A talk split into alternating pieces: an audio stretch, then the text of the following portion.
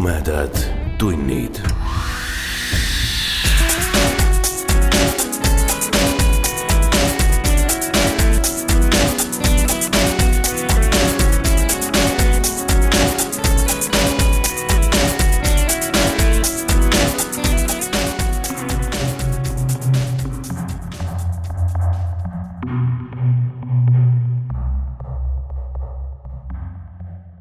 tere, hea ulmesõber sa kuuled jutuvestmis podcasti Tumedad tunnid kahekümne kaheksandat osa. mina olen saatejuht Priit Ööbel. suur tänu kõigile, kes meie väikest videotervitust jagasid. selles sisaldunud Cliff R Barlow Creepypasta säästukino on nüüd reklaami ja uudistevabana kuulatav ka meie Youtube'i kanalil. tänases osas aga kuulete korraga kahte debüüti. esiteks pole tänase loo autor oma jutte varem laialt levitanud ja teiseks pole ka Aiki varem nii pikka lugu jutustajana ette võtnud. niisiis, noor naine kinnises asutuses, hallutsinatsioonid vaheldumas reaalsusega, millal aga esimene lõpeb ja teine algab. miks ta seal on ja kas sealt on võimalik lahkuda? Aiki ja mina loeme teile Margarita Mandeli psühhedeelsete sugemetega ulmeloo Ei keegi.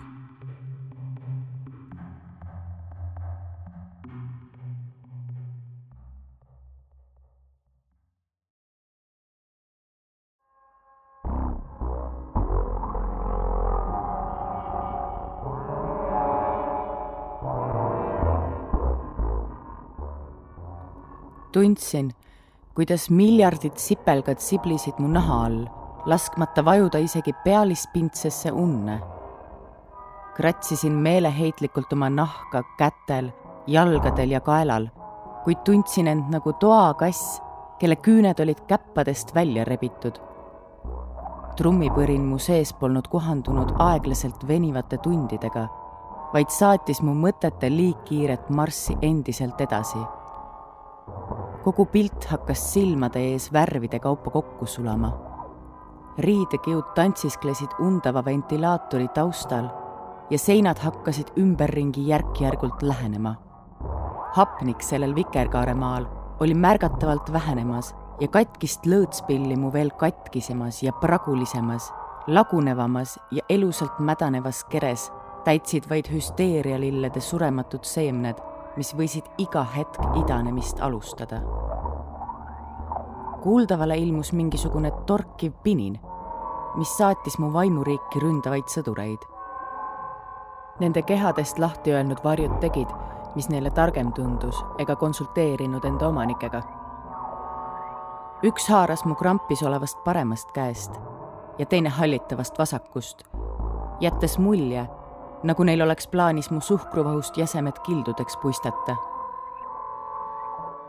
valgus hakkas tasapisi muutuma, nagu ka pikslite võbisemise suund.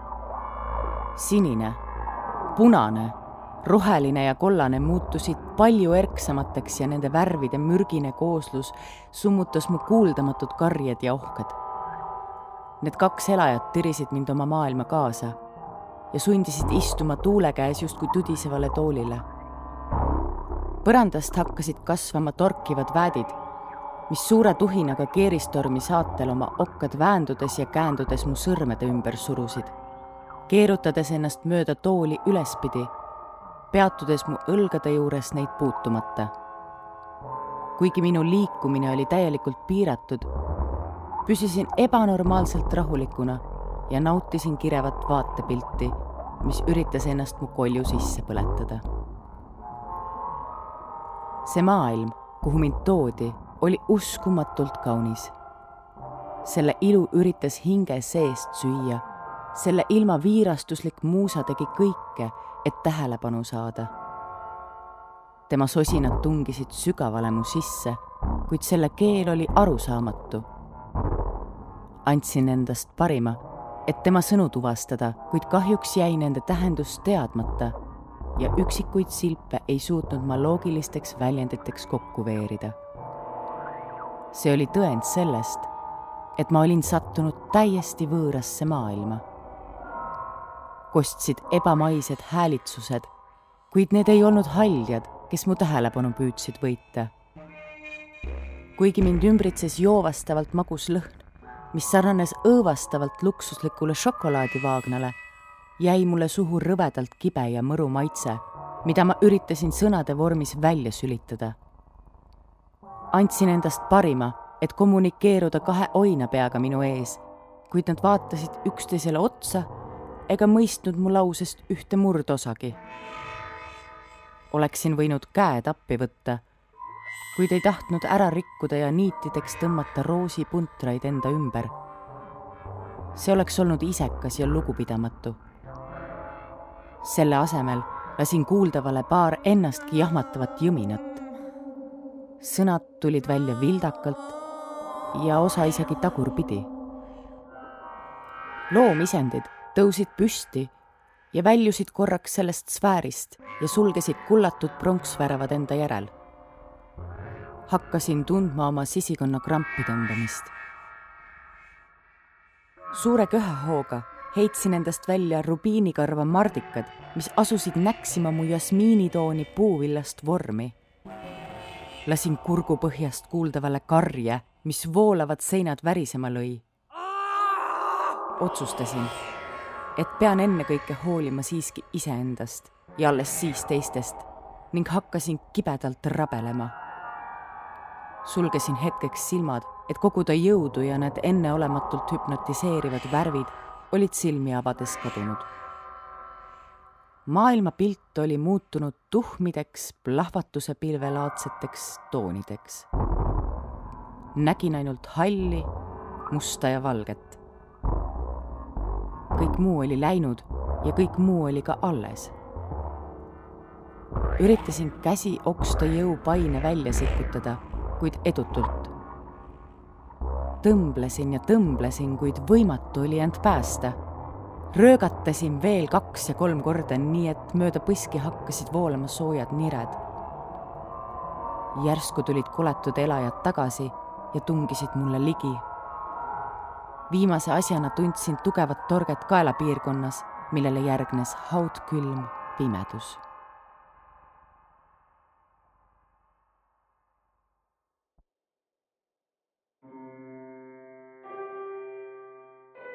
veetsin selles kopitavas vannitoas umbes pool tundi, lootes, et ma ei paiska seest oma viimseid soolikajuppe. koljuvärinat tekitav peavalu lõi segi ka silmad, mis olid üsna tugevalt vesistama hakanud ja hägustasid vaadet. kiirenenud pulss lõi veenid otsaesiselt tulitama ja lõugas kirikukellana kõrvus. surve kõrvade vahel suurenes ja suurenes iga korraga, mil veri täisringi minu sees ära tegi ja higi kõditas roideid. üritasin kõigest väest eelnevat õhtut meelde tuletada, kuid tulutult. vastu vahtis vaimusilmas ainult kiuslikult irvitav tühjus mis oma olemasolu mõnitavalt nina alla hõõrus. mäletasin ainult seda, et ma ei viibinud sel hetkel õiges maailmas. see oli justkui mingi teine universum. tõusin värisevatele ja ebakindlatele jalgadele ning kõmpisin tuikudes uksest välja. loomulikult oodati mind juba ukse taga. väga tore. mul oli palju küsimusi eelmise öö ja päeva kohta mis eile toimus? ma tundsin ennast kuidagi väga imelikult. küsisin mitte eriti heldenäolise hooldaja Norma käest, kes käed puusas manitsemiseks valmistus. seda tead sa ise ka ilmselt väga hästi. tule minuga kaasa, sinu arst soovib sellel teemal rääkida. see esimene lause tekitas minus keerlevat segadust otsustasin olla tore patsient ja ilma suurema kisa ja kärata tõredale tädile järgneda. ma arvasin, et ta pole täna tööl. talle helistati eile ja kästi kiiremas korras kohale tulla. sinu pärast. hakkasin mõtlema, millega küll hakkama olin saanud. vägivaldsete kalduvustega pole ma kunagi olnud, isegi mitte punnis pupillidega seega see oleks välistatud kliinik oli ehitatud üksildase metsa sisse, mis võib kõlada muinasjutuliselt idüllilise ja rahustava keskkonnana, aga tegelikult oli asetuse taga ilmselgelt hoopis teistsugune idee. isegi kui keegi oleks üritanud enda võõrutusravikuuri ilma eelneva läbirääkimiseta pooleli jätta, oleks ta ilmselt külmunud halastamatult lõikava talve ajal keset hüpnotiseerivalt, jõuga enda poole tõmbavat hange surnuks enne maantee äärde jõudmist. seda muidugi juhul, kui hundid enne temani ei jõua kuigi olin sattunud täbarasse olukorda, pidin endale teadvustama, et turvaliselt ei saanud selles asutuses tunda end ükski patsient. seespool oli asi hubasusest üsna kaugel. seintel olid keerulised mustrid, mis tõestasid entroopia olemasolu. praod pragudes. Raamatud riiulitel olid kaanteta, mõni isegi ilma lõpu või alguseta vaip siit ja sealt erinevates rohekas-pruunides toonides plekiline ning kui majal oleks olnud vaid üks korrus veel, oleksid töötajad ja patsiendid juba ammu olnud kaetud pinnulaviiniga ja köhinud lõputult krohvi välja. halvemal juhul oleksid kõik olnud jäädvustunud Pompei stiilis kunstiteostena. kahjuks kohti, mis oleksid nii taskupärased kui ka vähegi kutsuvad, minu läheduses sõltuvusest lahtisaamiseks polnud. pidin leppima sellega, mis saadaval oli hoone ise oli küllaltki väike. töötajaid ei olnud samuti seal väga palju. korraga oli tööl kaks arsti, paar vanemõde, kaks sööklatöötajat ja neli tavalist õde. patsiente oli samuti alla kümne. Nende hulgas oli paar inimest, kellega vahel juttu puhuda ja rääkida maailmast, mis ei ulatunud selle hoone seinte vahele väikseima varba otsagagi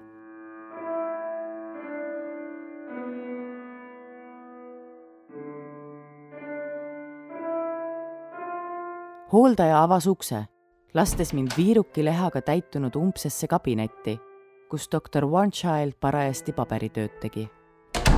Norma lahkumisel kostis kabinetti tema sammude kaja. Tere, võtke palun istet. noogutasin ja tõmbasin istumiseks pooliku polsterdusega tooli enda ette. minuni jõudis eile üsna jahmatav jutt pean olema teiega aus, seda oli ootamatult kurb kuulda. äkki räägiksite mulle enda poole loost? mis poole? ma ei mäleta ise midagi. Ainus, mida ma tean, on see, et tahtsin palatis lõunaõnnekut teha, kui hakkasin mingeid veidraid luulusid nägema. Need tekkisid täiesti ootamatult, ma ei oska seletada, miks. hallutsinatsioonid? just nimelt kusjuures lõpupoole, enne pildi mustaks muutumist, tundsin, et ei saanud käsi-jalgu liigutada. paralüüs? küsis doktor midagi kritseldades. nojah, need visioonid, mis minu silme eest mööda virvendasid, olid kirjeldamatud, ma ei suuda neid millegagi võrreldagi. väga intrigeeriv. kas olete midagi sellist varem ka kogenud? ei mitte kui kunagi. kas te saaksite mõnda nägemust kirjeldada? ma ausalt ei mäleta midagi. kas te tarvitasite mingeid hallutsinogeenseid uimasteid? Kas te tõesti üritate mind praegu milleski sellises süüdistada? ma tulin siia vabatahtlikult. kuidas te julgete midagi sellist üldse pakkuda? paraku on seda varemgi ette tulnud, et keegi on oma ravi vastu taevast visanud. me peame olema kõiges kindlad ma vannun käsi südamel, et ei ole midagi sellist tarvitanud. mitte kordagi, mitte ühtegi korda oma elu jooksulgi. see oli hoopis midagi teistsugust. Miks ma peaksin siia tulema ja seda järsku tegema? palun rahunege, keegi ei süüdista teid milleski. aga süüdistate ju. ma ei ole midagi teinud. tahan seda elu lõpuks unustada. mul on nendest piinadest kõrini me oleme kohustatud esitama selliseid küsimusi. sest kunagi ei tea, mis võib juhtuda või inimesele pähe tulla. me peame olema kõiges kindlad ja oskama asjadele õigesti läheneda, et tagada kõige optimaalsemad võõrutusmeetodid. kui te pole midagi tarvitanud, siis te ei ole. mul ei jää muud üle, kui teie sõna uskuda. nüüd tekibki küsimus, millest see põhjustatud võis olla palun üritage meelde tuletada, mis teiega juhtus Teie olete arst. äkki räägiksite teie mulle, mis seda põhjustada võis? ma ausalt ei oska sellest rääkida, mis toimus, sest ma ei saa isegi aru. Tahan lihtsalt teada, millal ma lõpuks koju saan. mul on ju nii hästi läinud. koju te kahjuks niipea ei saa, Preili Diana. meil on põhjust teid siin kauem kinni hoida. asjad hakkasid paranema, muidugi. kuid selle intsidendiga seoses tekivad minus kahtlused teie vaimses tervises üleüldse Te ei pruugi enam sõltuvuses olla, loomulikult. Aga kas oleks kohusetundlik lasta teid praegu vabalt ilma? sest kõik ei ole korras. me peame tegema veel mõningad uuringud, et eh, näha, mis teie peas päriselt toimub. ärge muretsege, kõik saab korda. me hoolitseme teie eest doktor Onechildi näole libises kõrvast kõrvani naeratus mis oli tema pikkade vuntside all poolenisti peidus. Ma üritan mitte muretseda. aga see olukord ei ole minu mõistuse jaoks talutav. me ravisime teid sõltuvusest terveks. küll me saame ka kõikidest teistest asjadest jagu. minge nüüd sööma. me peame valmistuma mõningateks uuringuteks. Tee puhake senikaua ei ole kasu sellest, kui te olete poolenisti nagu vaim. eks ma üritan. Lükkasin logiseva tooli tagasi laua alla ja sulgesin kooruva ukse enda järel. söögiruumis puudusid igasugused aknad. laest sadas nooltena alla punarinnu muna värvi valgus. seinad olid tuhmid neoonrohelised ja põrand nagu naeltest miiniväli enamik teisi kohalikke oli juba lahkunud, kuid üks veidike elurõõmsamatest noorematest hooldajatest lükkas mu nina alla supikausi vesivedela hernesupiga. vabandage, ma ei ole näljane. ma sooviksin ainult teed. Te peate sööma. arsti palve. mul iiveldab päris tugevalt. ma ei usu, et see sees püsib. kui tee püsib sees, püsib ka see ta patsutas korraks mu õlga ja istus enda kohale toanurgas, jätkates pooleli jäänud ajakirja lugemist. selle peale tõusis püsti üks minu lähedamatest tuttavatest ja hakkas tulema viltu kiskuva kandikuga aral sammul minu laua juurde. ma eeldan, et sul ei ole midagi selle vastu, kui ma siia istun? küsis Desmond enda katkendliku ja klaasõrna häälega tema sassis rongatooni lokid rõhutasid naha verevaest tooni ja tumedaid pesukaru silmi, mis raamisid soojapuudulikke portsellansiniseid vikerkesti. mis sinuga veel juhtunud on? sa oled tavalisest surnum. haigeks oled jäänud? mingi kerge köha on tõesti. siin on ju küte praktiliselt olematu selle koha pealt oli tal tõesti õigus. seda maja köeti puudega, mis vaevu süttisid ja veel vaevalisemalt mingit soojust andsid. tegelikult peaksin mina sinu käest küsima, mis sinuga juhtunud on? eilsest räägid? küsisin ma vaevaliselt alla neelates esimese supilusikatäie. no millestki muust väga rääkida pole tõesti ma ei tea, mis juhtus. ausalt ei tea. Ma alles pidin arstile seletama seda. ta arvas, et ma olin midagi tarvitanud. mis mõttes, kuidas ta üldse julgeb midagi sellist arvata? igatahes ma pean siin edasi olema. Nad üritavad välja uurida, mis minuga toimus. Nad ei rääkinud veel ühestki hüpoteesist, aga ma lihtsalt loodan, et siin ei lähe enam pikalt. koduigatsus tuleb peale ma ei usu, et väga kaua enam läheb. Lihtne öelda.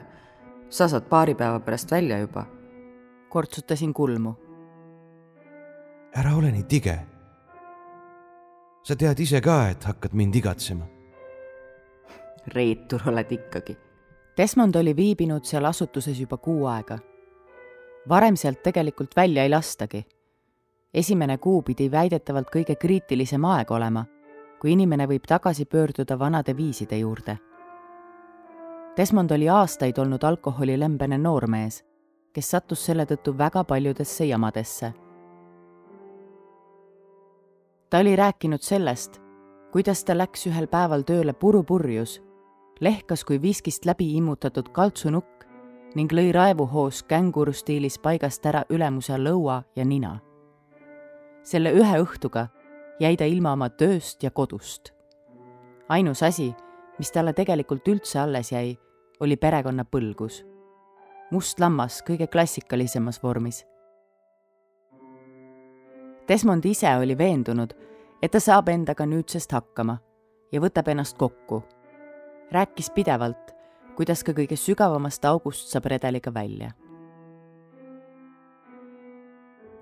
Tess, Tess, mis asi su käel on? Ma tõmbasin kiirelt T-särgi käise üles ja sealt paistis välja ümmargune haav, mis koos tema heleda nahaga meenutas pihlapuu marja lumise puu otsas. see ei olnud kuigi sügav kuid seda oli raske mitte tähele panna. millest sa räägid? Desmond pööras pilgu oma käele. issand, kust ma selle veel saanud olen?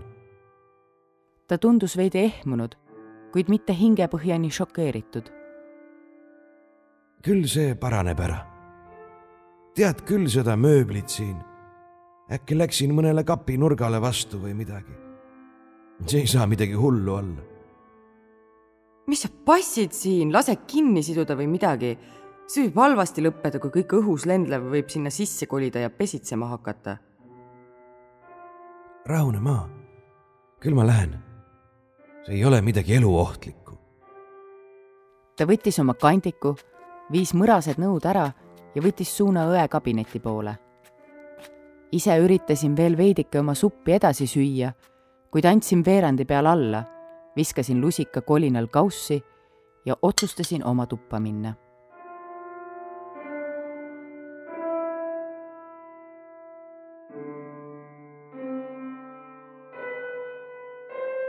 Üldjuhul olid patsiendid toas kahekesi, kuid mul oli piisavalt vedanud ja sain luksuse olla üksiktoas. voodi oli nagu voodi ikka, niivõrd-kuivõrd. mõnikord ärkasin keset ööd üles sest madratsi alt kukkus mõni laud kolinaga ära. tegelikult oli seda isegi päris vale õigeks madratsiks nimetada, sest see oli praktiliselt ainult kaks vedrut ja lina. seinal kogus tolmu kõige korralikum asi selles ruumis, milleks oli peegel. sealt vahtis mulle vastu rebasepunaste puntras juustega naisterahvas, kelle tumedad silmad õrnalt helkisid. mis sinuga küll toimub? küsisin ma endalt ükskõik kui palju ma ka ei pingutanud, ei suutnud ma leida loogilist seletust sellele, mis oli eelnevalt juhtunud. see ei saanud olla lihtsalt unenägu, sest kõik inimesed mu ümber teadsid seda. Ainus, mis see tõesti sai olla, oli minu vaimne lõpmatult pilbastuv allakäik keertrepist. sellele vihjas tegelikult ju ka doktor Onechild. kõige hullem oli, et kord juba juhtununa võis see vabalt uuesti toimuda ja mul ei olnud õrna aimugi, millal ja kus. ühest teemonist lahti saanud, saadeti mulle juba uus asemele. mõtlesin, mis minu eluga edasi peaks toimuma. Kuidas peaksin nii edasi elama? kogu aeg hingaks see elajas mulle kuklasse, oodates õiget hetke, mil rünnata, jättes mind haavatavana keset rusuvat reaalsust, millest on väljapääs mis jätab aga soovida. kumb oleks hullem, reaalsus, mis jonnaka lapse häälil näkku karjub või antireaalsus, millest pääsu niikuinii pole ja kus jääd igasuguse kontrollita?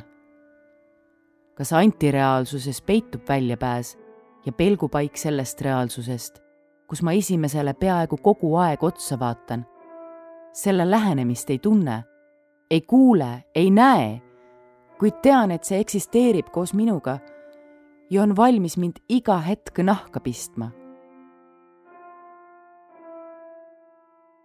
lasin mõtetel enda eest ära joosta. Otsustasin, et mu mõistus peaks vähemalt lühikeseks ajakski vaikima. paanikaks polnud veel põhjust. see võis olla kõigest ühekordne asi. ühekordne asi, mis kunagi enam üle minu hinge lävepakku ei astu, mis mõistab, et ta pole sinna kutsutud ega oodatud. see see pidigi olema. sellel pidi olema loogiline seletus ja see ei oleks pidanud kunagi minuga juhtuma. Ilmselt oli toit halvaks läinud. seda tuli siin sageli ette. mul oli koridori pealt tuppa kogutud päris mitu raamatut. haarasin kummutilt ühe fantaasiaromaani pealkirjaga Mis saladusi peidab öö. olin seda mitmeid kordi pealiskaudselt lehitsenud, kuid kunagi polnud mahti olnud päriselt lugema hakata siiski polnud mul parasjagu midagi paremat teha, sest pidin arsti järele ootama. avasin vettinud pappkaaned ja imbusin sellesse maailmasse. teos algas sellest, kuidas üks noor neiu mööda Munakivi tänavat oma kontsi kulutas. tema ainsaks kaaslaseks oli tähtedest soolatud taevas, mis lootusetult nutma oli hakanud. või nii ta arvas öised tänavad peidavad endas rohkemat, kui esialgu silmaga näeb, kõrvaga kuuleb, nahaga tunneb. tuulesosinas võib peituda ka päris sõnade rida. katusel vihmapladina asemel lähenevad sammud, ilutulestiku asemel püssirohu kulutus. inimesest petlikum on vaid öö, millel puudub reeglipärasus ning mis on täiesti ettearvamatu ja kõigele lisaks ka taltsutamatu ühegi vahendiga ei saa tuua päikest tagasi taevasse ega kaotada pilvi tähtede eest. öö on koduks asjadele, mida päike ei kannata vaadata. kõndides, nina maas, linnas tundus kõik korras olevat, kuni ta märkas, et rentslisse hakkas voolama lahja tooniga punane vedelik. see külvas tema ajusoppidesse suure töömehe peotäie paanikat ja ta märkas eemal lamavat meest. Selle asemel, et ots ringi pöörata ja oma lühikese elu eest joosta, läks ta kangelaslikult mehe juurde, pööras ta ümber ning märkas tuha tuhmi jumet, millest elu oli välja imetud. tundus, et vampiiridel oli olnud tõeline pidupäev, sest tema enda elumahlad voolasid järgmisena kurgust alla kuigi traagilist kangelannat ei olnud isegi korralikult tutvustatud, hakkas mul temast ikkagi kahju. potentsiaali temas oli, kuid ta elu oli kui reklaamipaus. tema roll oli lihtsalt kurjusele kontrastiks olla. muud tähtsust tal ei olnud. headust on ikka vaja selleks, et kurjus saaks hiilata. vastupidi ka muidugi, kuid halvad asjad mõjutavad inimesi alati rohkem kui head headusele ei anta nii palju au ja kuulsust kui kurjusele kurikuulsust. raamatut ma väga pikalt edasi ei saanud lugeda, sest silmade eest läks kirjuks ning tekst hakkas järsku hüplema. keset lehte tekkis keeristorm, mis pani ridu lainetades endaga kaasa loksuma. tähestik muutus vikerkaareks ja terve paber plekistus justkui kirevate akvarellvärvi tilkadega ja tähed voolasid ning tilkusid üksteise sisse. hõõrusin neid näppudega omavahel laiali, kuni alles oli jäänud lihtsalt pruun löga. näpud selle jamaga õnneks kokku ei saanud, kuid pühkisin need ikkagi igaks juhuks oma põlvedele ära. ega see ometi jälle ei juhtu, küsisin endalt kuigi öeldakse, et pole olemas ühtki lolli küsimust, võib küsimust pidada tegelikult rumalaks, kui sa vastust juba ise tead. tundsin, kuidas minu mõtlemine justkui aeglustus ja kiirenes korraga. segaduses jäin jälgima kirjatähti selle raamatu kohviplekkidega kaetud lehtedel. Need hakkasid mulle kui kabjakoivakesed näkku naerma ja iseenesest ümber paigutuma üritasin aru saada, mida nad öelda tahavad. Ainus viis siit väljapääsemiseks on tunnistada endale, et sa oled problemaatiline. sa oled liiga katki, et elada päris inimestega kõrvuti, jagada nendega hingamisruumi või lausa korterit. sa pead tunnistama, et ei saa iseenda eest vastutada. sinu mõistus ei ole sinu enda kontrolli all hoidmiseks piisavalt selge. Milleks üldse võidelda? lase endal sügavasse kaevu laskuda kust isegi sosin vaikselt ei kostu enam sinust välja vilisevaid hingetõmbeid. lõpeta kõik rahuga. lugenud viimase lause lõpuni, viskasin kärmelt selle mõttetu raamatu vastu kestendavat plekkahju uh., nii et lehed köitest lahti rebenesid. sapp hakkas pulbitsema, kees korralikult oma mullidega üle ääre. tundsin, kuidas nahk hakkas süttima kuidas muutusin leekidest koosnevaks viirastuseks. haarasin raamatu närused lehed ja põletasin need näppude vahel tuhaks. mu süda pumpas kange haisuga bensiini, mis muutis veenid plahvatusohtlikuks. kopsudest tuli ainult oonüks musta suitsu, mis end ninast lühikeste pahvakutena välja pressis. Palved, mis see lehekülg esitas olid sama arulagedad kui surma mõistetud Roimari viimaste pihtimuste vahele põimitud taevasse suunatud palumised. see tuli kohe hävitada. kui kõige väiksemadki tükid lõpuks ära said põletatud, viskasin selle tuhahunniku suurest ekstaasist õhku, tähistades nende lehtede olematuks muutumist. tuhk tiirles aeglaselt õhus moodustades jäälille laadseid mustreid. järsku kogunes see kokku suureks pilveks ning hakkas väikeste piiskadena naha peale langema, lämmatades kõik vägivallatsevad leegid. sulgesin silmad, et see kõik mu nägemisele liiga ei teeks ja tundsin, kuidas hakkasin rahunema. iga hingetõmbega kogunes bensiin tilkadena mu nahale, segunes tuhaga aga leegid enam ei lahvatanud. sain jälle normaalselt hingata. enam ei pursanud minust välja tulikuuma suitsu, mis hingetoru enne kriipis. avanud silmad, tervitas mind vaatepilt, mis oli eelmisest hoopis erinev.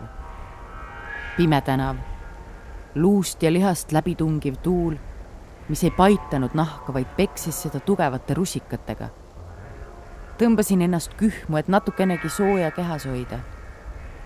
ei piisanud ka okkalisest tuulest. sain taevajumalatelt korraliku pesu ning kõndisin aeglase sammuga selles veidi võõras maailmas edasi. vaatasin paremale ja vasakule. kõikjal minu ümber olid sisse vajunud katusega lagunevad tellismajad, aknad katki pekstud. kuskil eemal undas autoalarm mida keegi teine ilmselt tähele ei pannud. puud lehvitasid tänaval ja näitasid oma pikkade okstega suunda.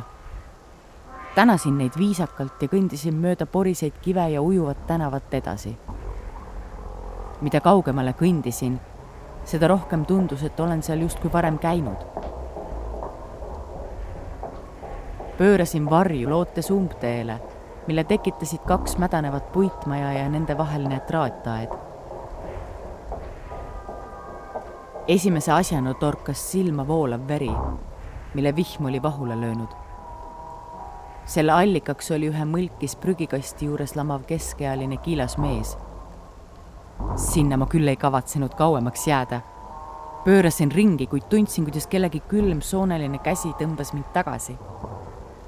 selleks oli oinasarvedega mees, kelle suu oli kui täis roosiks löödud klaaspudeleid üritasin kätt ära tõmmata, kuid olin selleks liiga jõuetu. selle asemel proovisin teise käe küünarnukiga talle korraliku hoobi anda, kuid seegi katse kukkus läbi. alistumine ei tulnud kõne allagi. hüppasin sellele olendile täie jõuga peale, nii et tema pea põrgatas peenikese kaela otsas paar korda vastu maad. üks sarm murdus isegi keskelt katki. imestasin, et tema kael veel terveks jäi sellise hoobi peale võinuks ta koljugi olla kui muredaks löödud muna. edasi ei osanud ma midagi peale hakata. oimetuks ma teda ei löönud, seega võinuks ta mulle vastu hakata, nüüd tekkis küsimus, kas mul oleks võimalik teda kahjutuks muuta, ilma et ma temalt elu röövin? kas oleksin pidanud tegema otsuse lõpetada selle ebamaise olendi elu? ma polnud arvatavasti esimene ohver ning suure tõenäosusega poleks jäänud ka viimaseks. äkki oleksin teinud tervele maailmale väärt teene? kuidas oleksin pidanud seda üldse tegema? aeg möödus kui liblika tiiva viibutus. jäin liiga pikalt mõtlema. minu haare tema sarvede üle nõrkes, koletis tõusis istukile ja lükkas mu enda pealt maha. selja tagant ilmus välja tema kamraad, kes pures minu nahast ja pehmeks pekstud lihast läbi kaelalülideni välja. närvid ja veresooned mu kaelas olid nagu narmendavad juhtmed kuid nende puutumine oli ohtlik ja surmav ainult mulle minu moonipunane elu täis veestik sähvatas sädemetena. vajusin põlvedele ja lasin ennast ööl alla neelata, kui kogu soojus mööda üht lühikest juga alla voolas. Kadus ära külmanäpistust tekitava vihma puudutus ja kõik tõmbus taas mustaks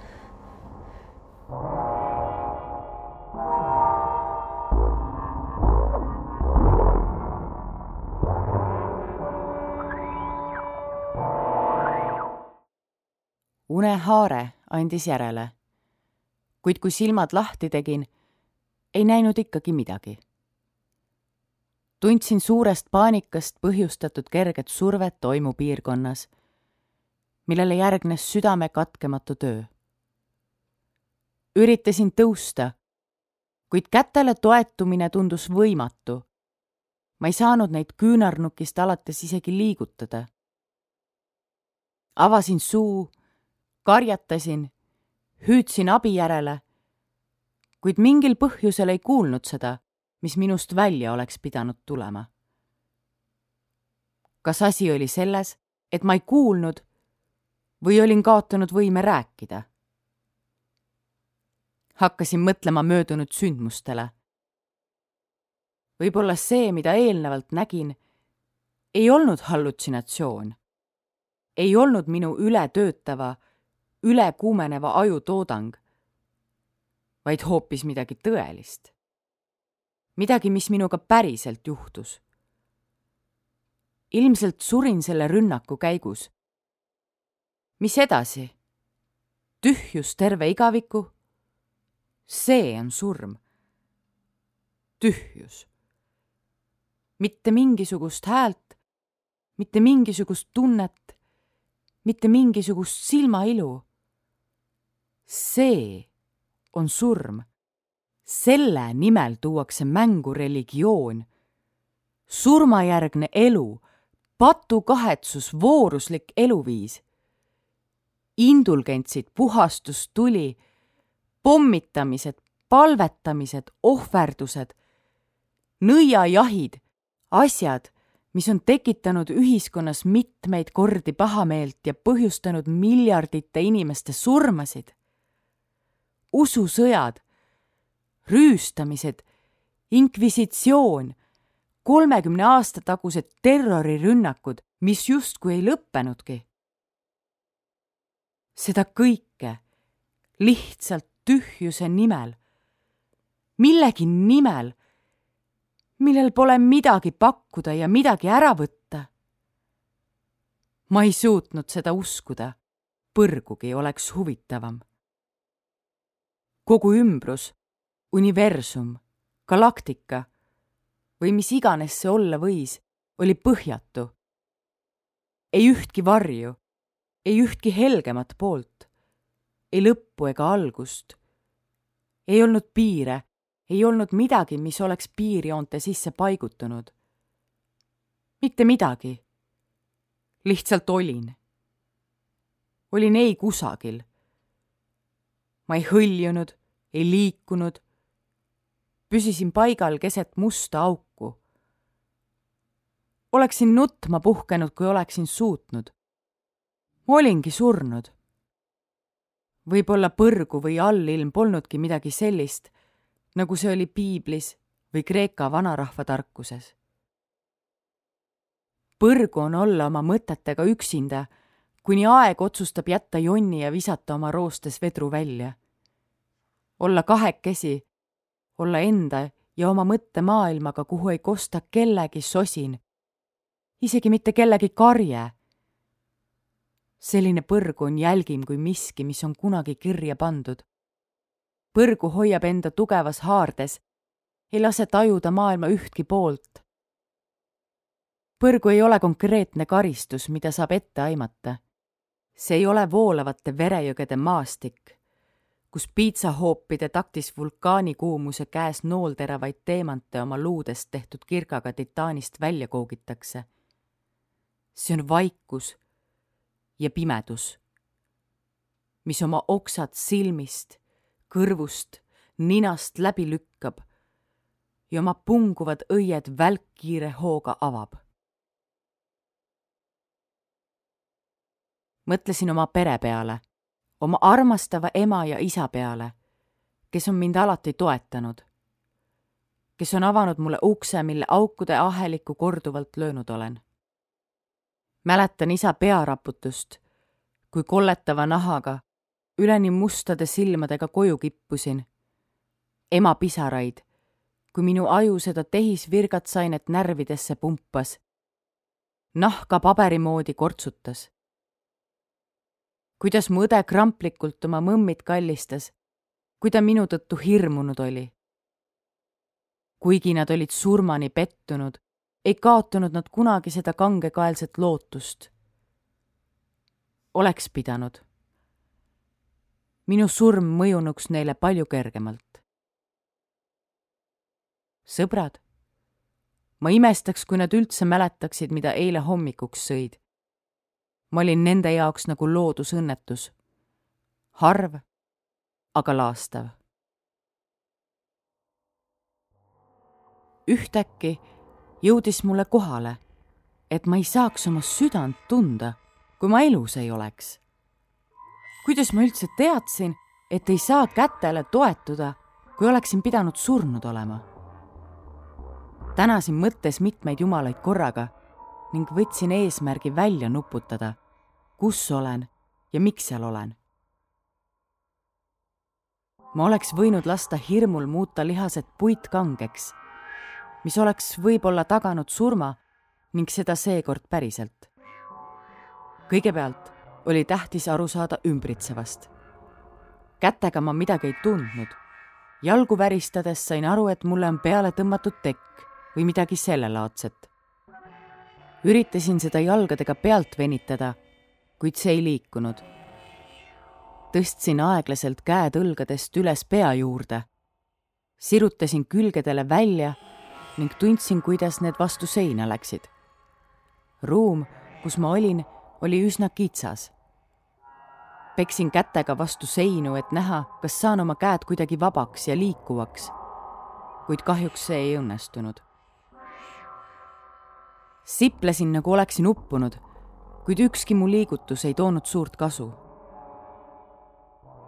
möödus ohtralt aega ja endiselt polnud ma leidnud lahendust elukardetavale Hiina mõistatusele. seal ma lesisin, lööduna. kõht hakkas lõvilikult möirgama ja suu oli muutunud rosinkuivaks. ruumi tekkis ühtäkki mingi õrn valgus viiplesin hoolega, minu kestast kostus appikarje, kuid ei mingit reaktsiooni. valgus muutus aina erksamaks, isegi silmade sulgemine ei aidanud enam. tänu sellele nägin nüüd silmalaugudel kapillaare, mis vaikselt pulseerusid. soolane tehispäike pussitas mu pupille ja meeleheite pisaratega segunesid nüüd agoonia omad silmad oleksid hea meelega pahupidi pöördunud, kui mu kolbas oleks piisavalt liikumisruumi olnud. kätt ma silme ette tõsta ei saanud, kõhuli pöörata samuti ei saanud. kere oli justkui voodi külge aheldatud. pea tõmbus kuklasse. oleks kas või plõksuga kaelalt hüpanud, et seda kiirgust mitte kannatada. ahastuses tõmblesid kopsud üritades taastada hääbuvates rakkudes hapnikku, mis oli pika töinamise peale neist väljunud. suu oli avaralt lahti vajunud. hingetoru oli muutunud tunneliks, mida mööda molekulid alla sõitsid.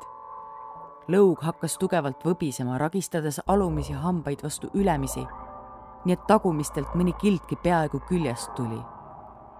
hoidsin seda paigal kuid hammaste risti hoidmine oleks taganud ülemiste ja alumiste hammaste valuliku põimumise ja oleksin nädalaid kollaseid laaste oksendanud. valgusest olid välja kasvanud nüüd kaks uut, üks roheline, teine kollane. pisarad olid muutunud happeliselt kipitavaks, justkui söövitaksid nad voolamisega igat ripsmekarva. Õnneks hakkas äkitselt valgus pimedusega segunema ja mind tervitas jälle kutsuv pimedus. Üritasin silmi avada, sest näolihased olid juba ära väsinud, kuid neile oli tekkinud koorik, mis laugude õrna naha tihedalt kinni liimis. kui sain need lahti rebitud, kukkusid kuivad tükid ka silmadele, kuid paari raputusega väljusid needki ohkasin kergendusest, kuid rõõm ei kestnud pikalt. kinni olin seal endiselt, kuid minu pea ei võtnud seda. Olla ühegi meeleta kinnises ruumis, mille väljanägemisest pole halli aimugi, oleks ka maavälisele intelligentsile üle jõu käiv ülesanne. ühtäkki tekkis kõrvu mingi kaunis heli, mitmekülgne ja üllatav valsimeloodia selle kõla oli helge, tagasihoidlikult suursugune. see ei olnud liiga külluslik, pigem elegantselt võimas. justkui pärit mõne möödunud sajandi filmi lõpustseenist. noodid jalutasid tasa ja targu mu kõrvu. viiulite paitav kõla oli valmis ära pühkima kõik mured. lase ennast julgelt vabaks, ütles mingi lohutav hääl sulgesin silmad ja lasin nendel heliridadel võimust võtta. Hingamine hakkas tasapisi aeglustuma, minu fantaasia aga kiirenema. kujutasin silme ette lava, kus kaks tegelast muusikataktis astusid. neiul seljas kui liivateradest kokku nõelutud maanikleit, meesterahval frakk kui nahkhiire kasukas. Nende silmad olid nagu kleebitud põletades teineteise hinge igavesed jäljed. Suud kui teibiga kõrvuni tõmmatud. ei väsinud nende jalad sekundiks. kordagi ei läinud samm sassi. saalis ei olnud peale minu kedagi, kes seda etteastet vaataks. tegemist oli justkui kummitusteatriga. kõik selle pildi juures oli täiuslik, isegi naise punased juuksed ei lehvinud vales suunas mehe kingadel läige peegeldas kristalllühtri erksat valgust. Orkester mängis veatult, ükski noot ei kriipinud kõrvu, ükski pill polnud häälest ära. tegelikult ei ole miski täiuslik. muusika vahetumisega kadus lavalt põrand nagu poodu jalge alt luuk ja läinud nad olidki. Nad ei jätnud endast alles ei karjet ega sõnakestki. see käis nii kiirelt, et noored ei jõudnud oma mööduva elu pärast hirmugi tunda. ometi ei olnud muusika sugugi sünge, kõigest veidi tõsisem. kuid sellel oli samuti oma võlu. ikka viiulipoogna tõmbega läksin järjest rohkem elevile. tõusin toolilt ja söössin lava poole, et näha, mis neist saanud on. kui ääreni jõudsin, tõusis verega plekistunud lava taas üles ja tulukesed selle treppidel süttisid. Mind ei suutnud isegi veri hirmutada. suurest uudishimust jalutasin lavale. kõrvu tuli lause. uudishimu tappis kassi. kuid seegi ei heidutanud mind. see muusika, mis mind saatis, polnud sugugi kurvameelne ega sünge, nagu võinuks arvata. see oli isegi veidi hoogsam ja peomeeleolulisem astusin paar sammu, kuid libastusin ühte ettejäävasse vaarikamahlalikku lompi. Toetasin ennast kätele, kui järsku keegi abi pakkus. ta oli väga selle enne surnud mehe moodi, kuid tema nägu oli veel tuttavam. ta aitas mu püsti, pühkis pooleldi ära kuivanud näkku pritsinud plekid mu ninalt ning pani käe ümber piha. muusika vaibus korraks, kuid nii kui see ennast jälle üles kruvinud oli, tõmbas mees mu endaga kaasa minu kohmakat sammu ei saanud võrrelda tema välja peetud manöövritega. koperdasin korduvalt, naerdes piinliku kohmakuse üle. kuid tema näole oli manatud vaid leebe naeratus. aja ja laulu möödudes paranes ka minu samm. iga noodiga muutusid minu liigutused sujuvamaks ja graatsilisemaks. laul oli jõudnud grande finaaleni kui järsku kostus. teiste vigadest tuleb õppida. pind kadus talla alt ja süvik neelas nüüd meidki. maandusin ogadele, mis läbistasid mu rindkeret ja käänulisi soolikaid. sülitasin väikse kaarega verd. olin auguline kui juusturiiv.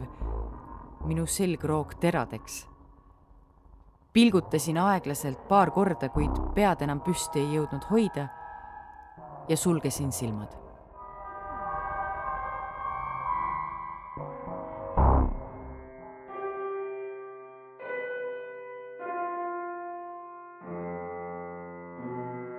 kui silmad avasin, tervitas mind teistsugune vaatepilt. steriilne palat. ei mingit lava. mis veel tähtsam ei mingit tühjust ega mingit pimedust. ma nägin, ma kuulsin, küll mitte enam muusikat, vaid oma ümbrust. tajusin seda, mis oli minu ümber. vaatasin kalendrile, mis seisis uhkelt seinal. kahekümne kaheksas detsember kaks tuhat viiskümmend neli. olin olnud lausa kolm päeva ära. suurest segadusest lükkasin teki pealt kui üks õde mind rahustama sööstis. palun istuge. mis minuga juhtus? pärisin suure ehmatusega. kõik on korras. viisime läbi mõningad testid, arst tuleb varsti teid vaatama, kuid praegu minge palun tagasi oma voodisse. testid? mida kuradit te minuga tegite? mis näidend see oli, mis etendus see oli? Olin tõstnud oma hääle liialt valjuks. paar töötajat tulid talle appi ja haarasid mu käsivartest, tõmmates mind viltusele voodile tagasi. etendus, ma ei tea, millest te räägite. Te olete lihtsalt segaduses, nägite mõnda halba und. Te saate oma vastused, kui maha rahunete. ma rahunen maha siis, kui oma vastused saan üritasin õdedele vastu hakata, aga nende jõud ületas minu oma mitmekordselt olgu, olgu, olgu, aitab, ma kuulan teid.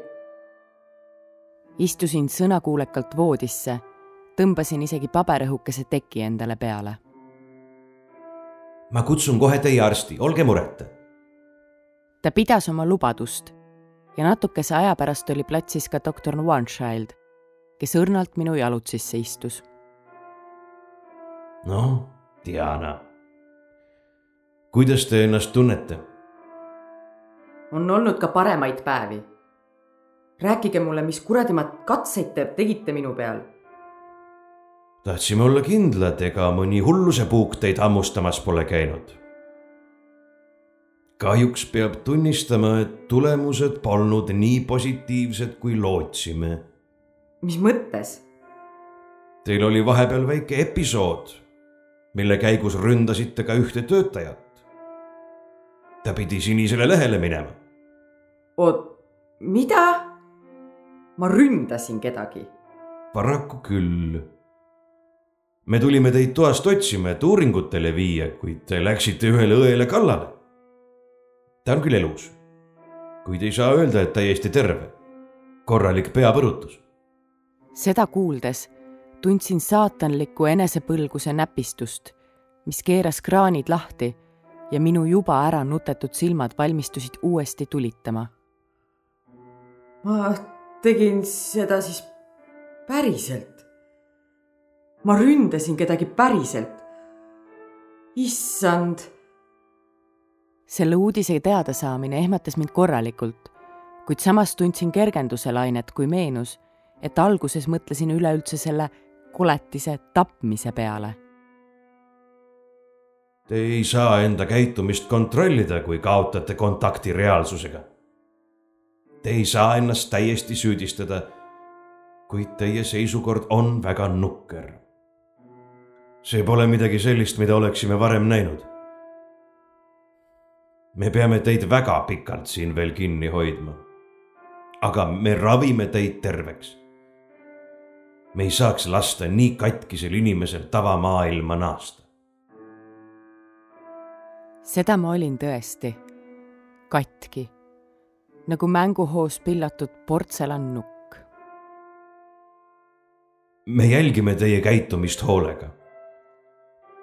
kuid esialgu ei hakka kõige ekstreemsemaid meetodeid kasutama. peame tabama, mis vallandab selle hoo tavalistes situatsioonides vähemalt see oli hea uudis. ma ei oleks üle elanud seda, kui mind oleks näiteks teistest eraldatud. olgu, aitäh teile, doktor, et te alla pole andnud. kui inimene ise üritab, pole mõtet alla anda. lihtsalt jääme lootma, et te enam kedagi teist ei ründa. ma loodan ise ka seda. praegu aga puhake. Te peate veel toibuma olite päris pikalt meie seast ära. eks ma üritan. tulen teid varsti jälle vaatama ja teie seisundit hindama.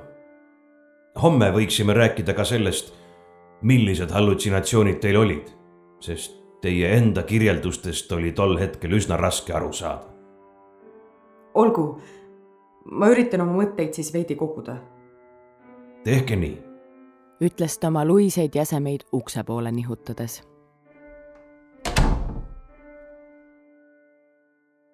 lõunapaiku olin toibunud ning mind lasti tagasi maja peale hulkuma. Ma ei osanud toimunust midagi arvata. minus valitses tohutu arusaamatus. mõtted olid sama selged nagu põllupealsed porilombid. killuke minust oli šokis. jupike arvas, et olen neetud ning kergelt hele laiguke minu ajus uskus, et kõik saab kohe kindlasti korda. ma ei suutnud otsustada kas peaksin jääma lootma, et tulevik on üllas või peaksin valmistuma selleks, et olen maha kantud? vähemalt doktor tundus olevat üsna entusiastlik. kogu olukord tundus olevat nagu fantastika. miski näris hinge ja selles pusles tundus olevat üks tükk paigast ära. kuid ma ei saanud aru, milline neist. jõuga ei saa asju paika suruda. ükskõik kui palju üritada ei saa asju sundida selliseks, nagu tahetakse, et need oleksid. Otsustasin otsida Desmondi üles, et mõtteid asjast eemale saada. tavaliselt vedeles ta puhkeruumis, kuid tema asemel leidsin sealt kolm võõrast. söökla oli sel kellaajal ammugi inimtühi ning koridori peal ei olnud ka ühtki teist sõbralikku nägu väga raske oli sealsete inimestega ühist keelt leida. ütleksin, et suhtlen inimkeeli, teised skorpioni keeli. Minuga toimunust olid ilmselt kuulnud kõik ajutised kodanikud, kuid keegi ei tulnud sellest rääkima, isegi mitte küsima, kas minuga on kõik korras. mina küll teistelt uuriks hea meelega, kas neil läheb hästi neelasin kibestumuse klimbi alla ja keskendusin sellele, mida tegema pidin. koputasin Desmondi toa uksele. Tess, see olen mina. Tule välja, Tess. hõikasin paar korda, kuid kuulda polnud samme ega ka hingamist. magad või? lasin ennast ise sisse. siruli oli ta tõesti. toakaaslasest ei olnud jälgegi. ma ei näinud isegi tema asju üritasin veel paar korda tema nime hõigata, kuid hääl katkes, kui märkasin, et tema käsi oli päris korralikult kinni mässitud. Kuigi ma häält ei teinud, jäi suu pärani lahti. võõrastes palatites ei tohi viibida. laske noormehel ometi puhata. kostis Norma jäme ja karvane hääl. tulin teda lihtsalt otsima, aga ta ei tulnud ukse peale. ta on kui laip, mis temaga juhtus? keegi ei tea täpselt, millest, aga tema käenahk ja lihased ripuvad kondi küljes kui roostetava traadiga. Ütlesite, et ta magab nagu surnu, aga tema käsi ongi nagu surnul. ta oli nii suurtes valudes, et pidime talle andma väga tugevaid valuvaigisteid ja unerohtu. vot mida? temaga toimub mis? kuidas te ei tea, millest see põhjustatud on? kuidas peaks mingi sidemete räbal kuidagi aitama, ta on suremas ju. suremas? loll jutt, plika käeta saab ka ilusti edasi elada. kuidas te teate, et asi ainult tema käes on? Te ei tea isegi, millest see põhjustatud on. mis kuradi koht see üldse on, mida te, mida te üldse teate? milles te üldse kindel olete, kes teid kõiki siia üldse tööle on võtnud? Te ei oska mitte midagi, kasutud. haarasin riiulilt lössi vajunud varjuga klaasist lambi ja olin valmis sellega otse vastu tema linnu nokka viskama tundsin, kuidas mu hambad keelde vajusid ja suu rauamaitsega täitus. hääl tõmbas suitsetajalikult kähedaks. surusin silmad kinni ja tõstsin käe, kui voodist kostis järsku sahin. Desmond? asetasin lambi rahulikult tagasi sinna, kust võtsin ja hakkasin voodi juurde astuma, kui Norma mu käevart pidi toast välja kaasa tõmbas, küüned pehmes nahas kinni näete nüüd, mis te tegite? visiidiaeg on läbi. laske mul temaga rääkida, korraks vähemalt. ta peab puhkama. kui te sinna tagasi ei lähe, käitun nii, nagu te poleks mind just ähvardanud lambiga peksta. usun, et te ei taha siin kauem viibida, kui juba peate. halva käitumise puhul pikendatakse siin viibimise aega. tal oli õigus midagi oli selles kohas väga nihu ning seal pikalt passimine ei tulnud kõne alla. mine nüüd, tegele oma asjadega ja ära liialt selle peale mõtle. temaga saab kõik korda, ta on tugev poiss. sina aga ära hakka oma nina sellesse asja toppima. arstid teavad paremini. hoidsin keelt kihvade taga, kuid nii väga oleks tahtnud öelda, et kõrvalseisja pilk on vahel selgem ta oleks pidanud prillid välja vahetama.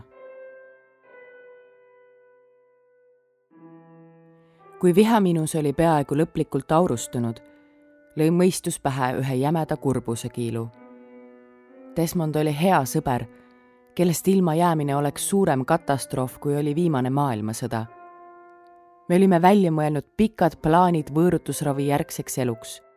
lubasime üksteisele, et hoiame kontakti igal võimalusel tuppa jõudes vajusin voodil longu ja tundsin, kuidas soolased pisarad valupõuest lambivalgele tungisid. peitsin silmad peopesadesse ja sõrmitsesin oma rasuseid krussis juukseid. tegemist oli kohaga, mis oli pungil ebakompetentsetest inimestest, kes ei teadnud ööd ega päeva sellest, mida nad meditsiinitöötajana peavad tegema. olematud küüned tungisid peanahasse üritades valuga vaigistada seda, mis kõlarist pähe tungis. jalad kiskusid krampi ja kõhulihased andsid juba tunda. oleksin tahtnud temaga veel rääkida ja teda kallistada. sellises kohas teda küll terveks ei ravita. lonkisin peegli juurde, kust vahtisid vastu paprikapunased punnissilmad huuled valutasid ja veritsesid. nina punetas koos silmadega. juuksed nägid välja nagu prügikotid, millest hakid on üle käinud. nühkisin pisarad naha sisse, haarasin kammi ja üritasin olukorda parandada, surudes alla igat kurba mõtet. hingasin paar korda sügavalt sisse ja leidsin, et aeg oleks seada sammud duširuumi poole. vesi, mis otsikust pähe nirises oli nii kuum, et sellega oleks saanud keeta ühe korraliku tassi kohvi. kohvi või tee veeks see muidugi ei kõlbaks. kloorisisaldus oli liiga kõrge. tänu sellele oli mu nahk kui maol ja täis pisikesi punnikesi, aga oma lehaga tervet maja ka täita ei taha. lasin veel kaasa kanda endaga kogu kahtluse tõrva. seisin seal, kui mõttesse tungis minu eelmise päeva nägemus. see oli kohutava lõpuga, kuid lõpp polnud see, mis mind häiris. kogu minu nägemus Desmondist oli pea peale pööratud. mõistsin et ma ei saaks teda kunagi võtta lihtsalt sõbrana. see nuga lõikas veel sügavamale. olin pidanud ennast üsna külmaks inimeseks, kelle südant ei suuda soojendada enam miski, kuid olin eksinud. ükskõik kui palju inimesed sinust üle käivad, ei ole mõtet maha kanda kõiki, kellega kokku puutud sel hetkel võtsin vastu otsuse välja uurida kuidas ma teda aidata saan, sest muidu olen temast igatpidi ilma. keerasin dušikraanid kinni, haarasin rätiku ja lõpetasin oma mõtisklemise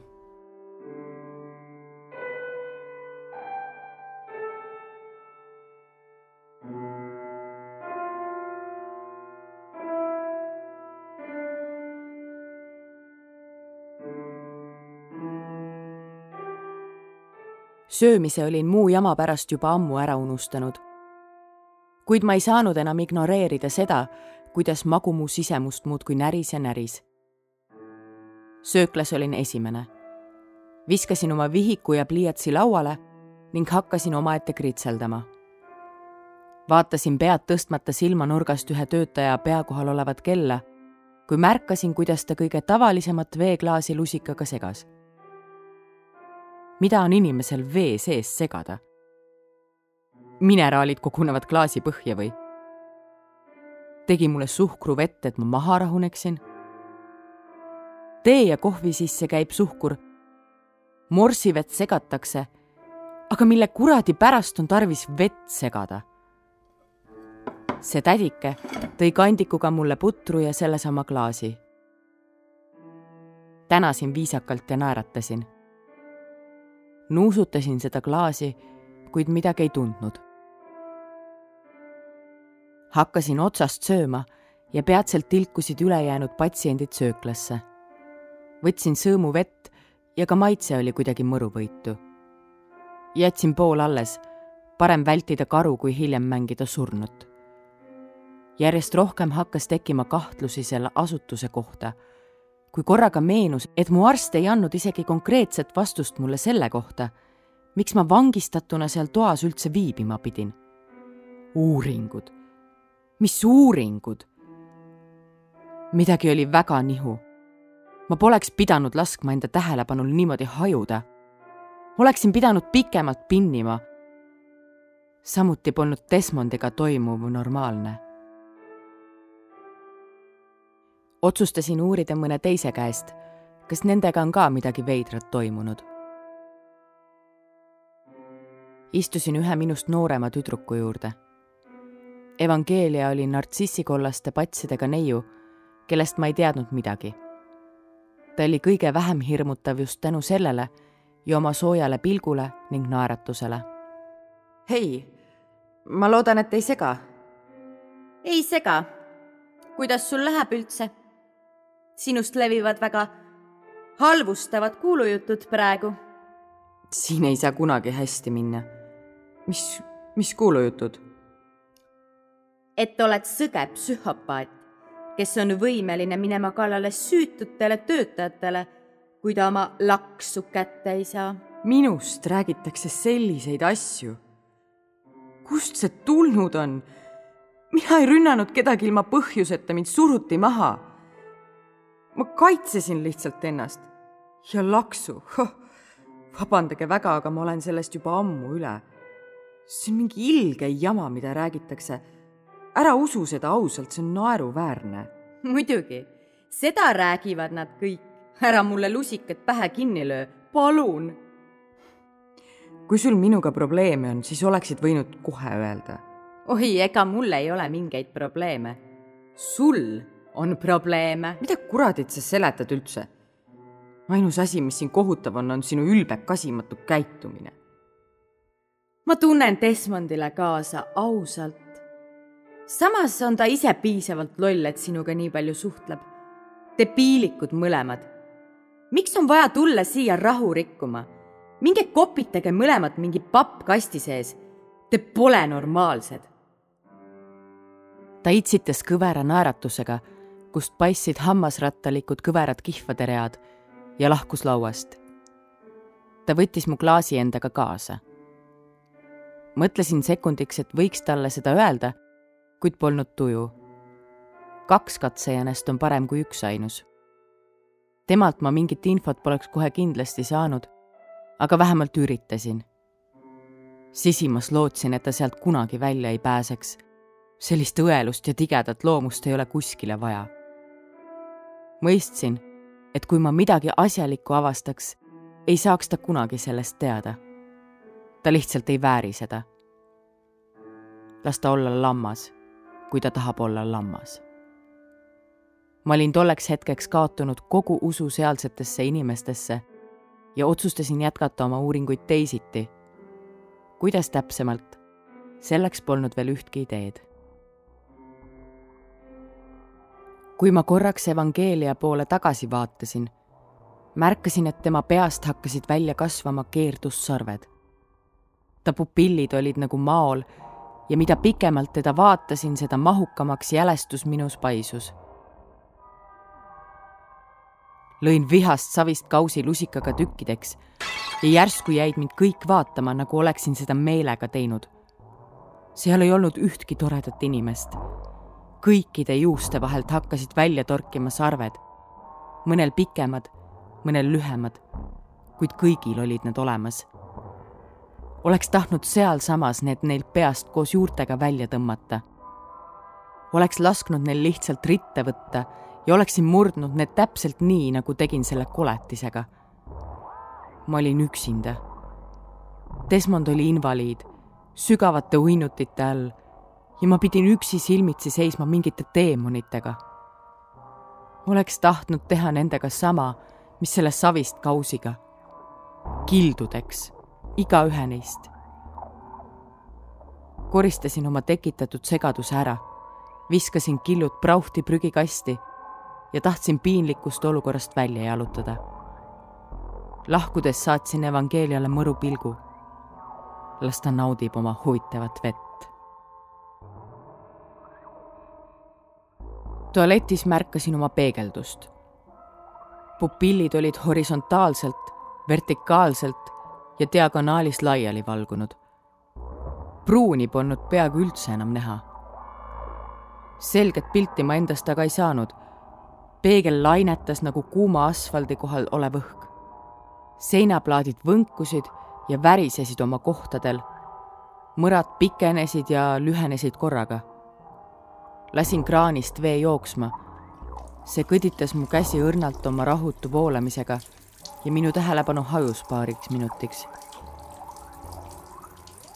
kui tähelepanu taastus, pritsisin külma vett endale paar korda näkku, mis aga ei peatanud seda, mis minu silmis toimumas oli. kõik värvid olid võimendunud ja minu seest jooksis läbi tüütu surin. see tunne oli juba liiga tuttavaks muutunud, kuid seekord oli see palju mahedam kui muidu. maailm oli üsna samasugune nagu eelnevatel kordadel. kuid minu kontakt reaalsusega oli palju tugevam. ukselingi leidmisega oli veidi raskusi, kuid pikapeale sain ka sellega hakkama. kaugemal nägin evangeeliat seina ääres kõveras istumas ja üksteise järel mingeid arusaamatuid nõiasõnu pomisemas, nuttes ja naerdes korraga nagu väike sõge teemon. ta kratsis kergelt oma kaela ja karjus kõigi peale, kes talle appi tahtsid minna. doktor Onechildki seisis tema ees, märkmik niitpeenikeste näppude vahel. muhigasin veidi ja olin õnnelik, et ma pole ainus, kes sellist jama üle pidi elama. kõndisin mööda Desmondi palatist ja tuju võttis kursi põranda suunas. Mõtlesin selle peale, kuidas ta oli tugeva uimasti mõju all sest ärkvelolek üksinda oleks olnud liiga valus. ta lamas liikumatult seal üksinda kui surnu ja keegi ei teinud midagi, et teda aidata, kõik värvid maailmast kadusid. see tuletas meelde, et olen väga viletsas olukorras. olin kinni kuskil raviasutuses, mis asetses keset hinge röövivat metsa. Olin mingisuguse võõra narkootikumi mõju all, sest üks töötaja lihtsalt otsustas seda mulle anda. mees, kelle nägemine varem mind rõõmsaks tegi, ajas mind hoopiski soolaselt nutma, sest tema liivakella viimased terad olid tilkumas läbi pragude see ei olnud õiglane. töötajad tegelesid evangeeliaga ja kogu tähelepanu oli koondunud tema märatsemisele. See andis mulle veidi aega kliinikus ringi vaadata ja otsida vastuseid sellele, miks minuga toimub see, mis toimub, mida nad mulle vee sisse segasid, miks ma olin lukustatud pimedasse ruumi, kus ma ei kuulnud ja ei näinud midagi? Ja muidugi ka vastust sellele, miks Tess laibastuma pidi. See koht tundus olevat nagu kiirrong põrgusse ning pigem oleksin lamanud rööbastel, kui lasknud sellel ennast kaasa vedada. Kõik tundus hetkega süngem, tumedam, lootusetum, nagu ühe puhta koivalge roosi närtsimine. majas oli piirkond, kuhu patsiente kunagi ei lastud. selle hoone võis jaotada mõtteliselt kaheks. idatiib oli see, kus meie ringi saime vaadata kus olid meie toad, söögituba, vedelemisruumid, pesuruumid, tualetid, arstide kabinetid, ravipalat ja isegi üks vana ja sammaldunud bassein. Läänetiib oli see, kus töötajad tööle tulid, kuhu nad puhke ajal läksid ja kuhu meil polnud lubatud kunagi minna. põhjenduseks toodi see, et töötajad tahavad ka vahepeal omaette olla ja me tüütaksime neid liiga palju, tolgendades neil ees segades nende tähtsat puhke- ja tööaega. kedagi ukse juures tol hetkel polnud, sest tuli teha nägu, nagu neid huvitaks, mis evangeeliaga tol hetkel toimus.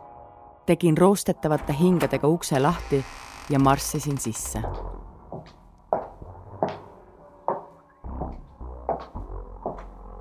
koridor oli üsna pime ning minu üllatuseks polnud läänetiib sugugi luksuslikum kui meie oma. põrand lausa liikus all nagu kõnnitaks konveieri peal. aknad olid paksu halli massi all, vaasid riiulitel sulasid, laes pesitsesid nahkhiired ja tolmulestad põrandal näksisid jalgu, tungides läbi minu auguliste sokkide. katuse lainetusest kostis tuppa tugev plekimürin. kaktuste okkad kasvasid ja kukkusid lõputute ringidega ning ma vedasin oma jalgu mööda tükki läinud vaibakarvu doktor Warnchildi ruum oli lukus, kuid valutu küünarnuki löök odavale vitraažaknale eemaldas selle takistuse. ronisin vaevaliselt läbi, maandusin kuidagi kringlisse ja lõin pea vastu kirjutuslauda ära. silitasin tukslavat pealage ja toetudes serva peale, vajusid sõrmed justkui lauast läbi. tõusin suure hooga püsti ja potsatasin külma seemisnahaga kaetud toolile. Laua peal oli liiga palju asju, hunnikutes üleliigseid märkmeid, pastakaid, revolver, mingi mapp täis jama. heitsin sujuva liigutusega kõik laua pealt maha, sest esialgse silmamisega midagi tähtsat seal ei märganud. otsisin paaniliselt mitte midagi, vaatasin läbi kõik sahtlid ja kolmanda tuhnimisega avastasin ma alt teisest sahtlist toimiku, kus oli suurelt peale kirjutatud minu nimi. Viskasin selle lopsti laua peale, et vaadata, mida tarka sinna kirjutatud oli. nimi Diana Hostia. veregrupp AB negatiivne. sünnimaa Caus Pratum. sünniaeg kolmas juuni kaks tuhat kolmkümmend kuus. surmaaeg kahekümne üheksas detsember kaks tuhat viiskümmend neli. Mida? mida surmaaeg? issand, see on ju homme. jumal, jumal, jumal, jumal, mida ma teen? mida kuradit ma teen? Nad tapavad mu ära, mida kuradit, see ei saa õige olla, see ei saa olla õige. ma pean siit välja saama, ei ma pean neilt küsima, mis asi siin kurat toimub, nad ei saa mind lihtsalt tappa, see ei ole võimalik. see peab mingi viga olema, see ei saa olla võimalik. Nad kavatsesid mind ära tappa. surma põhjuseks kirjutasid uppumise. Nad kavatsesid mind uputada. ma ei olnud isegi midagi teinud. Läksin vabatahtlikult ravile, tegin kõike, mida oodati ja nüüd kavatseti mind järsku kõrvaldada. milleks? ma ei kavatsenud sellega leppida. tahtsin teada, miks nad pidid seda minuga tegema. Kuulsin, kuidas lääne tiiba siseneti. ma pidin sealt kiiresti välja saama, sest muidu oleks plaan mind tappa läbi läinud. seadsin sammud ukse poole ning poole tee peal astusin revolvri peale ja mõtlesin, et seda võib veel vaja minna ning jätsin selle endale kuulsin kommentaare katkise ukseakna kohta ja mind läbistas üks külmamõõk. mõistus läks tühjaks ja ma ei osanud enam midagi mõelda. Veri valgus mööda sooni ajust kätesse ja jalgadesse ja järsku muutus pehme puitpõrand kõrvetavalt valusaks. kuulsin ainult oma pulssi ja kogu vaatepilt säbrutas olin endale kindla surma välja kutsunud. ma ei saanud häälte järgi aru, kui palju inimesi oli. lootsin ühe-kahe peale, rohkema vastu poleks saanud kohe kindlasti. Isegi üks oli kaheldav. ootasin kabineti ukse juures, et nad sisse tuleksid. aeglaselt sammusid kaks töötajat sisse. üks oli neist see, kes söökles minu vett segas ja tabasin üht rinda. revolvri tagasilöök oli minu jaoks suureks ehmatuseks ja padruni kest oleks peaaegu silmakoopasse tunginud. Püssirohu lõhn oli lämmatavalt tugev ja minu jalge ees vilisesid valukarjed ja appihüüded. summutasin selle tüütuse ja ohu veel ühe lasuga ning võtsin sihikule teise proua, kelle silmad olid juba lühikese ajaga granaattõunteks muutunud ta jõudis kümne sekundi jooksul paluda Jumalat vähemalt kakskümmend korda. Jumal sind praegu aidata ei saa. räägi mulle, mis siin toimub. ärge mulle palun haiget tehke, palun. Ma küsisin sinult midagi, mis siin toimub. ma ei tee teile haiget siis, kui te mulle vastate. ma ei ole milleski süüdi, ma lihtsalt töötan siin. ma teen, mida mul kästakse. mida sul kästakse teha? ma, ma pean teile lihtsalt teatud asju manustama. mis asju? ma ei tea. ma ei usu sind. mis asju? ma ei tea, ma ausalt ei tea. hoia see jama kellegi teise jaoks. ma ei tee praegu nalja. vajutasin päästikule, kuid lasin paari millimeetriga tema kõrvast mööda. Palun, palun, ma tõesti ei tea. praegu ei saa ükski arst siit prügimülkast sind päästa ja aidata. ainuke, kes sind ellu saab jätta, on mina. seega sa kas lõpetad valetamise või paiskud laiali mööda seda kopitavat seina? ma ei valeta. ma ütlen ausalt, ma ei tea. ma lihtsalt teen, nagu mul kästakse. ma ei tea, mis siin muud toimub. ta valetas. Ma nägin seda tema silmades. ta arvas, et tema närune elu on tähtsam kui meil, kes me seal kannatama pidime.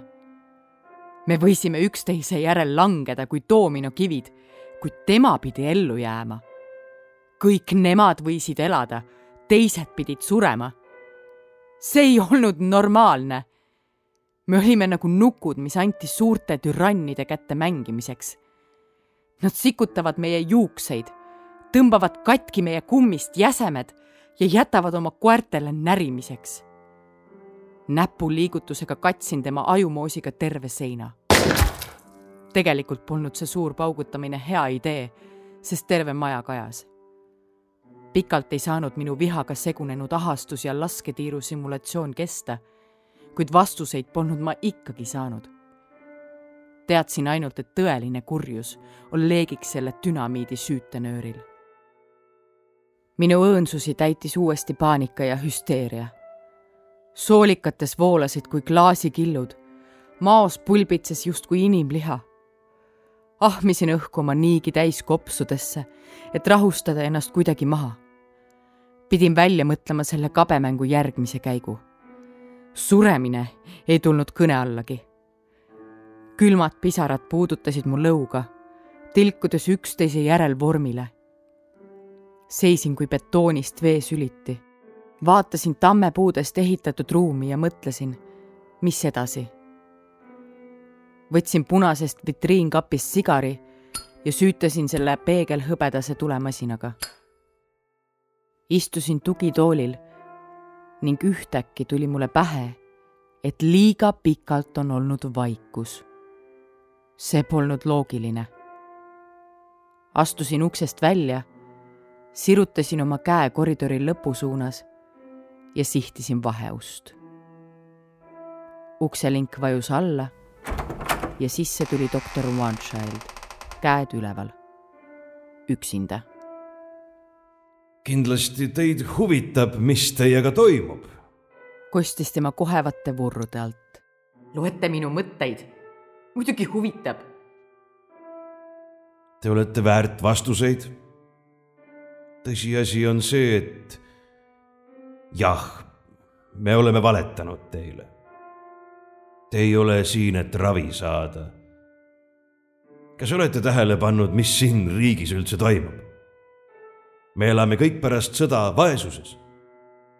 see on väike ohverdus, et riik toimida saaks. me teeme teie peal katseid. saadame info edasi Pulcherterrasse ning nad maksavad meile avastuste eest. tänu sellele ei pea pool riiki enam nälgima. inimesed saavad katuse endale pea kohale. seega ärge arvake, et teie elud raisku lähevad. Te aitate inimesi oma ohverdustega rohkem, kui te aitaksite siis, kui te täisväärtuslikku elu elaksite. Te olete väärt tunnustust oma tegude eest. ma ei teadnudki, et tunnustuseks saab ka surm olla. Te panete meie surmakuupäevad kirja toimikutesse, nagu oleksid meil kõlblik kuni kuupäevad otsaette kirjutatud. kuidas te kavatsete seletada nii suurt surmade hulka ühes asutuses? riik tegeleb sellega. see projekt niikuinii ei kesta enam kaua. tänu sellele, et te siin olete, tänu teie ohverdustele saavad ka teie pered elada. pärast teie surma kandub hulk nii-öelda valuraha teie pere pangakontole iga kuu. tänu teile püsivad püsti koolid, haiglad, politseijaoskonnad. mis me tänutäheks saame? raha peredele, kes on jäänud oma lastest, õdedest, vendadest, emadest, isadest ilma. see on palju suurem, kui te arvatagi oskate. et hoida ühiskonnas teatud heaolu, peab tooma ohvreid. kas või üksikinimeste poolt. Midagi muud pole teha. mida teie sellest saate? ma ei usu, et see mõte aitab teil igal õhtul rahuliku hingega uinuda. eks ma saan ikka oma osa. kõik töötajad saavad kuigi õed ei tea, mis täpsemalt toimub. miks te üldse mulle praegu seda kõike räägite? kas te ei karda, et ma lasen teie kolju kohe siin ja kohe praegu sõelaks ning jalutan sellest uksest rahulikult välja? Mõelge hoolega. kas te ikka soovite mulle liiga teha? Teie pere jääb igast sendist ilma, kui saadakse teada, et te mu tapsite. küll tuleb keegi minu asemele kes kord teie pea veerema paneb. mul on suur kiusatus päästikule vajutada, aga minu pere pole seda kannatust väärt. üks lahendamata ots on siiski veel. Desmond, mis temaga toimub? Desmond on endiselt narkoosi all. narkootikum, mida me tema peal proovisime, põhjustab nekroosi. kuid me teeme kõik, et tema lõpp oleks võimalikult valutu ta isegi ei tea enam, mis temaga toimub. ta pole ärkvelgi enam. küll taevas kohtute jälle. mul oli valida oma pere õnne vahel või päästa Desmond. vaatasin padruneid revolvris ning järele oli jäänud kuuest ainult kaks. midagi suurt sellega ära ei saanud teha. seega teda päästa poleks olnud võimalik kaugemalt tulid kuuldavale sireenid. see on läbi, Diana. nüüd pange relv maha. teeme seda asja inimlikult. inimlikult? ma ei anna teile seda rahuldust. Ma ei lase teil ennast kuskile põhjatusse merre, jõkke või järve uputada. siia tõmban piiri. panin mahajahtunud revolvrinina endale kõrva kohale ning valguse kiirusel tungis pimedus tagasi minusse